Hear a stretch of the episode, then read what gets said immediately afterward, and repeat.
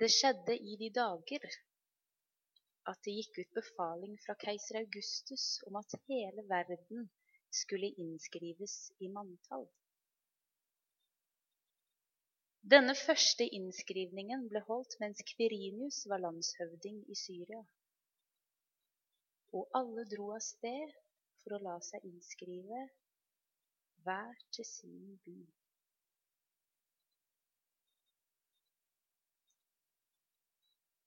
God kveld. Velkommen til Touchpoint. Jeg heter Dina Valberg, og det er en stor glede for meg å kunne holde denne talen for dere.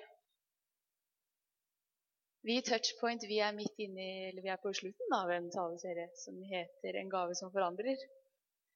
Eh, og Vi har snakka om det å gi noe til andre, og gi noe som betyr noe. Og det tenker jeg er ekstra viktig i den juletida vi går i, går i møte nå. I denne talen så skal vi legge ut på en reise gjennom juleevangeliet. It's gonna be a bumpy ride på eselryggen. Vers for vers. Steg for steg for steg. Fra byen Nasaret i Galilea opp til Judea, til Davids by Betlehem. For vi skal starte der, i Betlehem. Betlehem, den byen som vi gjerne ser for oss med glitter og englefjær. Den byen som i våre barndomsminner dufter av julegløgg og pepperkaker med gater av gull, røkelse og myrra, fullt av sånne blenda hvite lambisauer og hyrder med melis på. Og ikke for å knuse glansbildet ditt her, men sannheten om hvordan Betlehem egentlig var på Jesu tid, heller nok litt mer mot et høl. Betlehem var en fattig, uviktig landsby kontrollert av Romerriket, kjent for saueoppdrett. Og på Jesus sin tid, det, eller på juleevangeliet sitt tidspunkt, da, var det overfylt av eh, masse folk som skulle skrives inn i eh, manntall. Og har du noen gang kjent lukta av et sauefjøs? Når Gud skulle sende sin eneste sønn til verden, så valgte han altså Betlehem. Av alle andre steder ikke akkurat det porseste stedet på jord. Og det var ikke akkurat en tur på første klasse heller, eh, som han skjenka sin eh, eneste sønn idet de rei nedover Josef og Maria på esel. Nedover fra Nasaret i Galilea til Betlehem, en reise som i og for seg var 130 km lang. Og det ville ta noe sånt som en uke å reise dit på esel. Og har du noen gang ridd på esel, jeg har ridd på esel i Hellas. Og for å si det sånn, så er det ganske gøy den første halvtimen. Og så begynner det å bli ganske ræva. Bokstavelig talt vondt i ræva. Men til Betlehem dro de. Josef og Maria, som for øvrig også var høygravid, på esel. Jeg tipper at de skulle ønske at de var en annen plass. Jeg tipper at Josef hadde gnagsår, og at Maria hadde bekkenløsning. Eh, og at de gjerne skulle ha blitt hjemme, og at de ikke hadde sett for seg at Betlehem var den plassen de skulle tilbringe sine første dager som foreldre.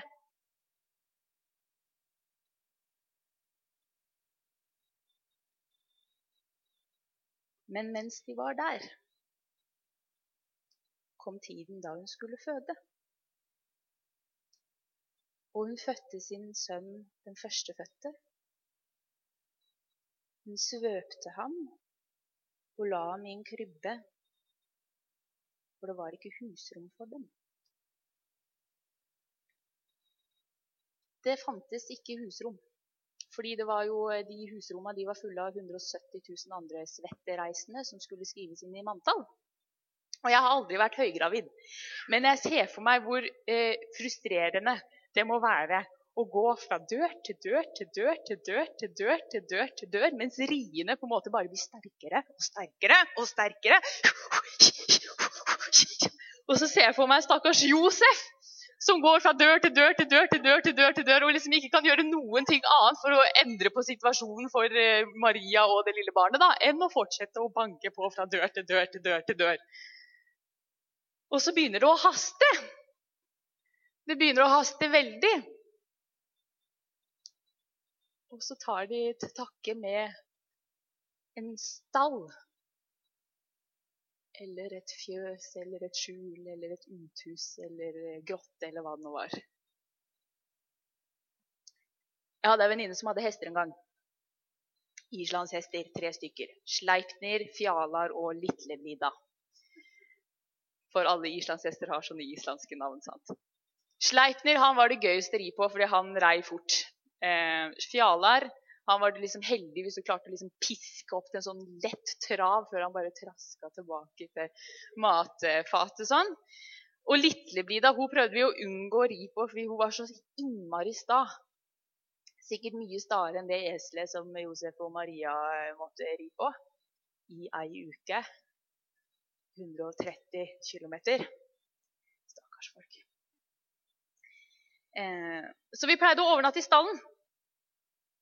Eh, noen pleide å overnatte på hesteryggen. Eh, oss andre vi overnatta på høyloftet. Og jeg husker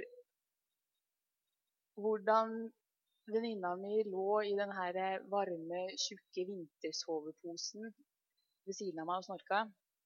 Og hvordan jeg lå ved siden av da i en litt sånn tynn, eh, blå og oransje bomullssovepose som jeg hadde fått av min far. Hun bare hytra og frøys sånn. Jeg husker hvordan jeg lengta hjem. Eh, der jeg lå med frostrøyk ut av nesebora og høy i kjeften.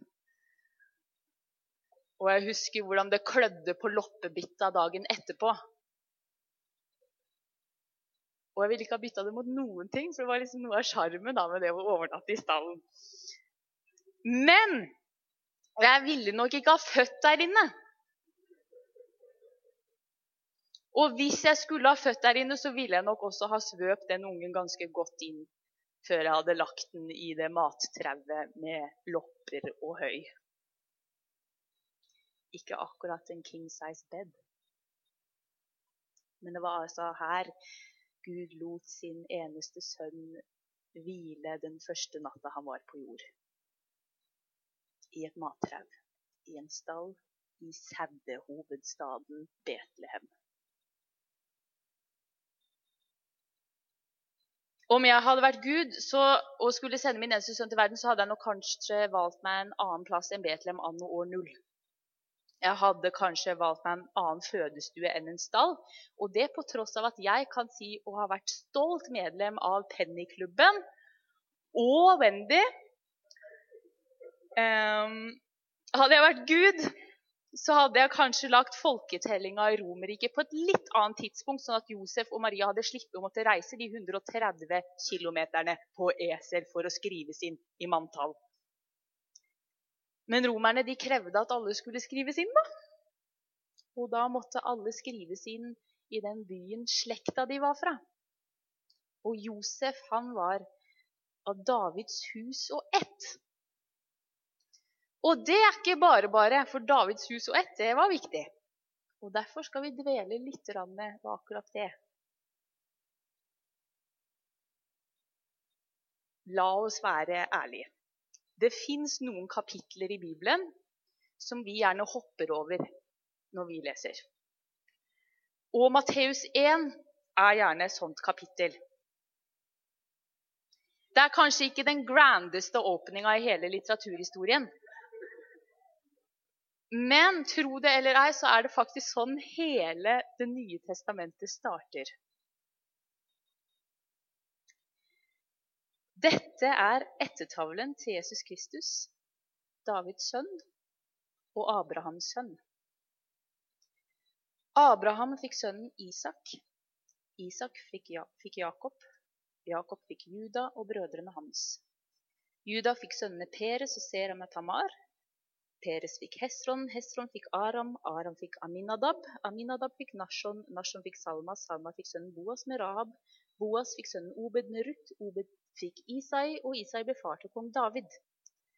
David fikk sønnen Salomo og Urias kone Salomo fikk Rehabeam, Rehabeam fikk Abia, Abia fikk Asa, Asa fikk Jushafat, Jusha fikk Joram, Joram fikk Ussia, Ussia fikk Jotam, Jotam fikk As, As fikk Hiskia, Hiskia fikk Manasse, Manasse fikk Amon, Amon fikk Joshia, Joshia ble far til Joakim og brødrene hans på den tiden da folket ble bortført til Babylon. Etter bortføringen til Babylon fikk Joakim sønn Shealtiel. Shealtiel fikk sønnen Serubabel, Serubabel fikk Abiud, Abiud fikk Eliakim, Eliakim fikk Asur, Asur fikk Saduk, Saduk fikk Akim, Akim fikk Eliud, Eliud fikk Elaser, Elaser fikk Mattan, Mattan fikk Jakob, og Jakob ble far til Josef, Marias mann. Av henne ble Jesus født, han som kalles Kristus. Det nye testamentet, boksamlinga der grunnlaget for hele vår kristne tro er beskrevet. Det åpner altså med en liste med hebraiske navn. Hvor store navn var det? Abraham, stamfaren til hele hurven, som ble lovet en, en ett så tallrik som, som stjerne på himmelen. Selv om han var 100 år gammel og kona hans Sara var over 90. Post eh, med godt og vel. Juda, Juda som han som ble navnefar til en av liksom, de store stammene i israelsfolket. Den stammen som gjennom hele Bibelen hylles som liksom stamtreet til både David og Jesus. David, gjetergutten, yngst i søskenflokken, som bare mot alle odds seirer mot Goliat og blir konge. og Han kaltes også en mann etter Guds hjerte. Og en gjevere tittel skal man lete lenge etter. Salomo, den viseste og rikeste mannen på jord. Eh, og sønnen hans Rehabeham, som må ha fått den beste oppveksten en, en sønn kan få med en så vis og rik far. Det er altså en liste med høvdinger, stamfedre, krigere og hærførere. Store, viktige folk med pondus. Men også en liste med tvilere, mordere og ekteskapsbrytere. Abraham som tvilte på Gud da Gud lovte at han skulle få en sønn med Sara. For Gud kunne gjøre mye, men at hun gamle sviska der skulle bli gravid. Og derfor ba Sara Abraham om å ordne det med tjenestepenga.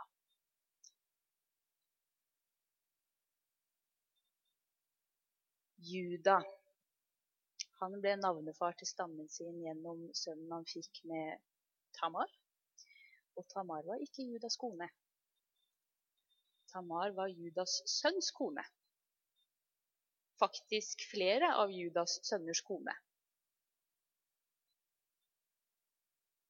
David, mannen etter Guds hjerte, som fikk arvingen sin gjennom Urias kone Batseba, som han først lå med, og deretter tok det ekte etter at han hadde sendt ektemannen hennes i krigen. Salomo vises det på rikeste mann, rik på både visdomsord og kvinnfolk. Og Rehabeham, som tross sin gode oppvekst kjørte hele kongeriket åt skogen og lot riket bli delt. Det var også den gjengen her som var Davids hus og ett. Og det var denne etten Gud valgte Jesus eh, Det var denne etten Gud valgte at Jesus skulle bli født gjennom. Om jeg hadde vært Gud og hadde sendt min eneste sønn til verden, så hadde jeg valgt en annen plass enn Betlehem anno år null. Jeg hadde valgt en annen plass enn en stall. Jeg hadde flytta folketellinga i Romerike til et annet tidspunkt Og jeg hadde kanskje latt Jesus blitt født inn i en annen slekt uten liksom, mordere og, og ekteskapsbrytere og sånn. Kanskje Benjamin. Benjamin er gullgutt. Ingen har noen gang sagt noe stygt om Benjamin. Men kanskje så er det ikke tilfeldig da, at det er denne slektstavla som møter oss aller først i Det nye testamentet. Og kanskje mister vi noe hvis vi hopper over det.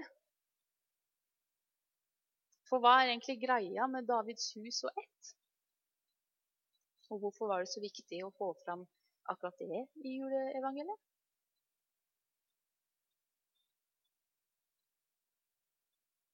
En ukjent munk fra Østkirken han har skrevet følgende om Jesu fødsel. Jesus stamtavle. Slik begynner evangeliet. Hva betyr denne lange listen med hebraiske navn? Overfor jødene var det nødvendig å understreke at Jesus stammet fra David. Men en annen betydning kan også utledes av, stam, av samme stamtavle. I denne slektsrekken fins det nemlig også mordere, ekteskapsbrytere og incestforbrytere. Når Jesus blir født i min sjel, skjer det på tross av og gjennom alle mine synder. Jesus trenger inn og baner seg vei tvers gjennom mine feil. Han overvinner dem, den ene etter den andre, det er hans stamtre i meg.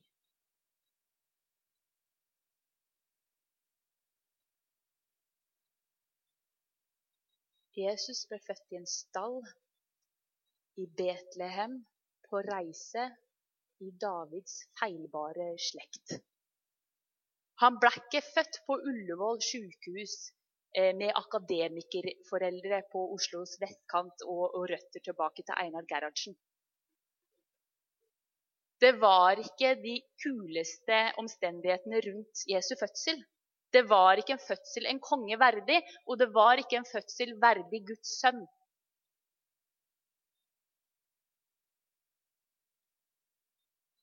Men Jesus kom til verden sånn som ting var. Og ikke sånn som ting burde ha vært. Han var ikke så opptatt av om alt var på stell. Han var ikke så opptatt av hvordan det så ut rundt. Og dermed så er han kanskje heller ikke så opptatt av hvordan det ser ut hos meg når han kommer inn i mitt liv.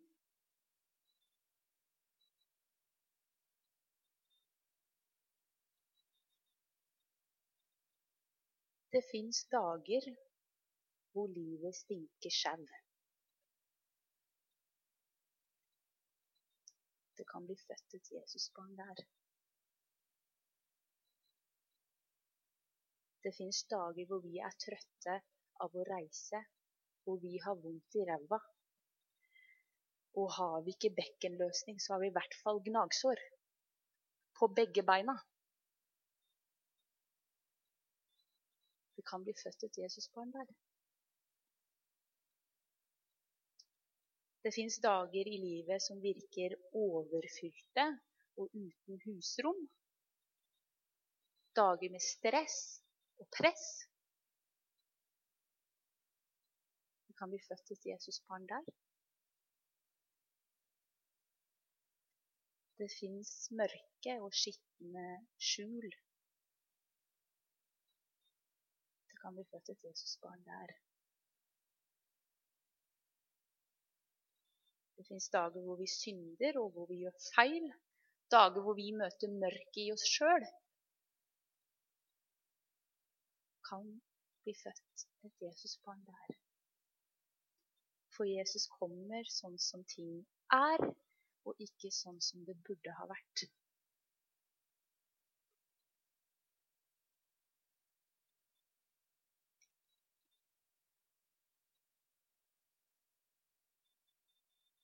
Det var noen gjetere der i nærheten som var ute på marken og holdt nattevakt over flokken sin. Med ett sto en, herres, en Herrens engel foran dem, og Herrens herlighet lyste om dem. De ble overveldet av redsel, men engelen sa til dem, frykt ikke.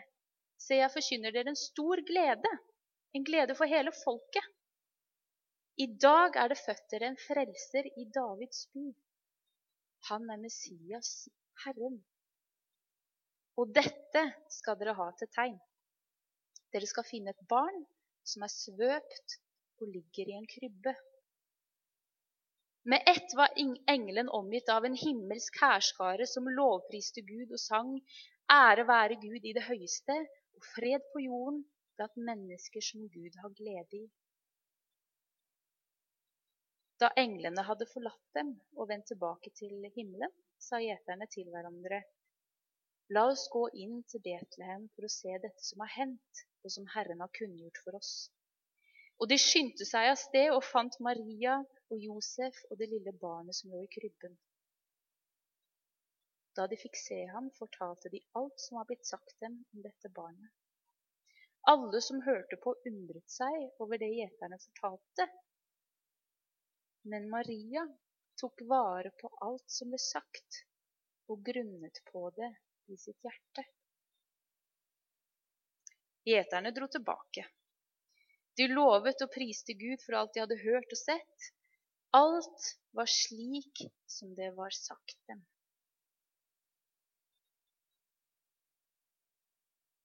Mye har blitt sagt om Gud.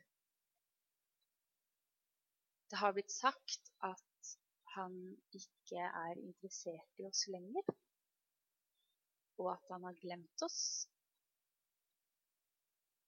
mange har et bilde av Gud som en streng Gud som krever ting av oss som vi ikke klarer å holde.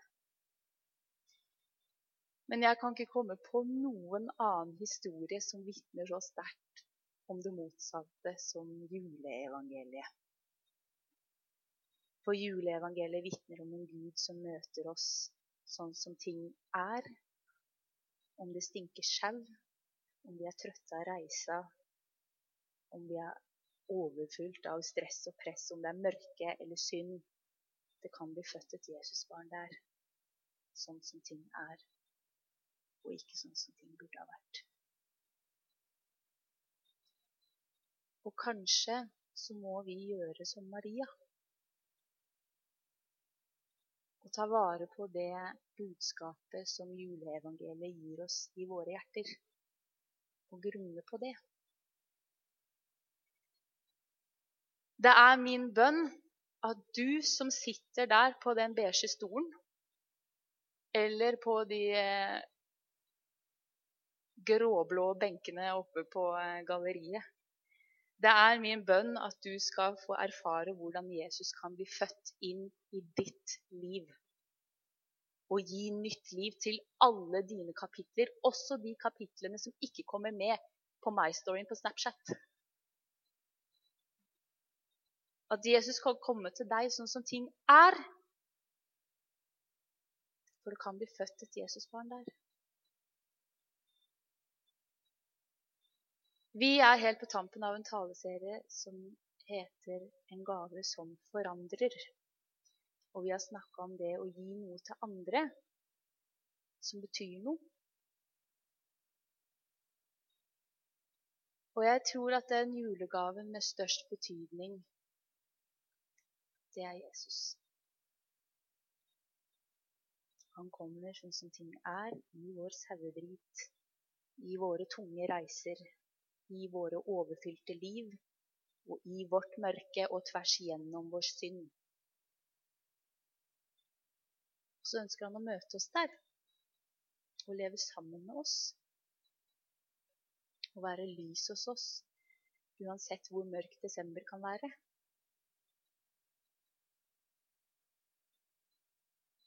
Og gjennom troen på ham og troen på at han kom til jorda som et lite barn for å gi oss liv, for å dø, oss, dø for oss på korset, gjennom tillit til det, så kan vi også bli født på ny og bli Guds barn.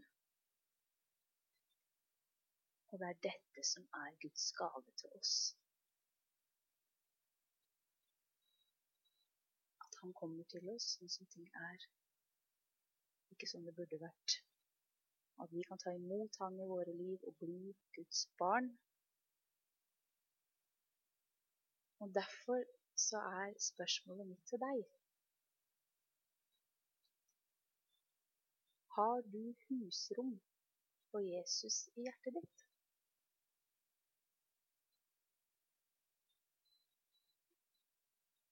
Jeg har lyst til å invitere deg til å invitere Jesus inn i hjertet ditt. Du trenger ikke ha vaska gulvet.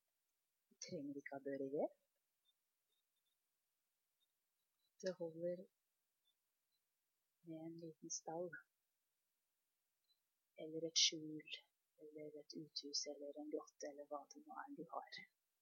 For Jesus er ikke kravstor på fødested.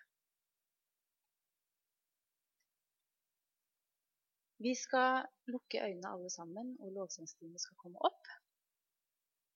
Og etterpå, jeg skal si fra når, så kan du som har lyst til å ta imot Jesus og invitere han inn i livet ditt for første gang, eller kanskje du som har lyst til å invitere Jesus inn i livet ditt på nytt, du kan rekke opp en hånd i været. Ikke fordi det skjer noe spesielt julemagi ved å rekke opp en hånd, men det er noe med å ta tydelig valg og ytre det valget.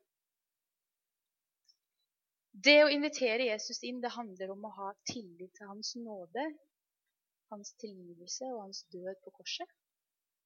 Det handler om å velge å følge han og velge å få et nytt liv sammen med han. Og det handler om å bli bedre kjent med han, og vi inviterer han inn i livet vårt sånn som ting er. Og hvis du har lyst til det, så kan du rekke opp en hånd, og ingen andre skal se på. Bare jeg og lovsangstimen skal snu seg, og så ser Jesus, da. Så hvis du har lyst til det, så kan du rekke opp en hånd nå. Jeg ser deg, jeg ser deg, jeg ser deg. Det er flere som har lyst til at jeg skal ta dem med i bønn.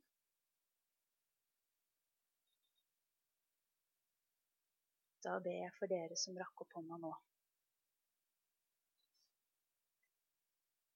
Kjære far.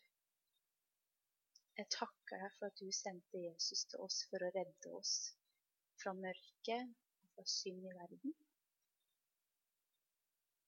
Og at vi ikke må ha alt på stell for å invitere deg inn som vår redningsmann. Jeg takker deg for de menneskene som nå har valgt å invitere deg inn de er nå dine barn. Takk for at du tar vare på dem, og at du gir tro og liv til oss.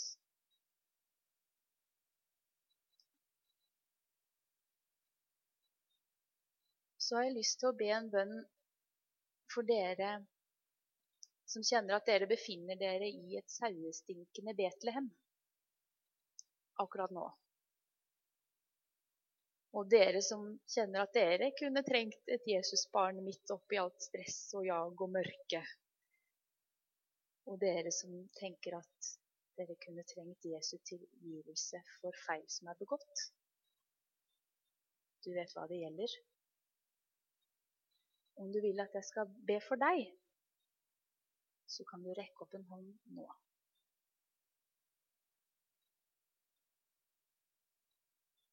Er det noen flere som har lyst til å bli tatt med? Da kan dere som har rekket opp hånda, ta det med igjen. Kjære far. Takk for at du kommer sånn som ting er. Du ser hvordan livene til de som rakk opp hånda akkurat nå er.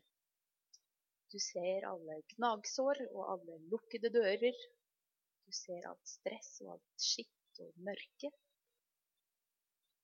Og jeg takker deg for at du kommer med liv og lys inn i dette.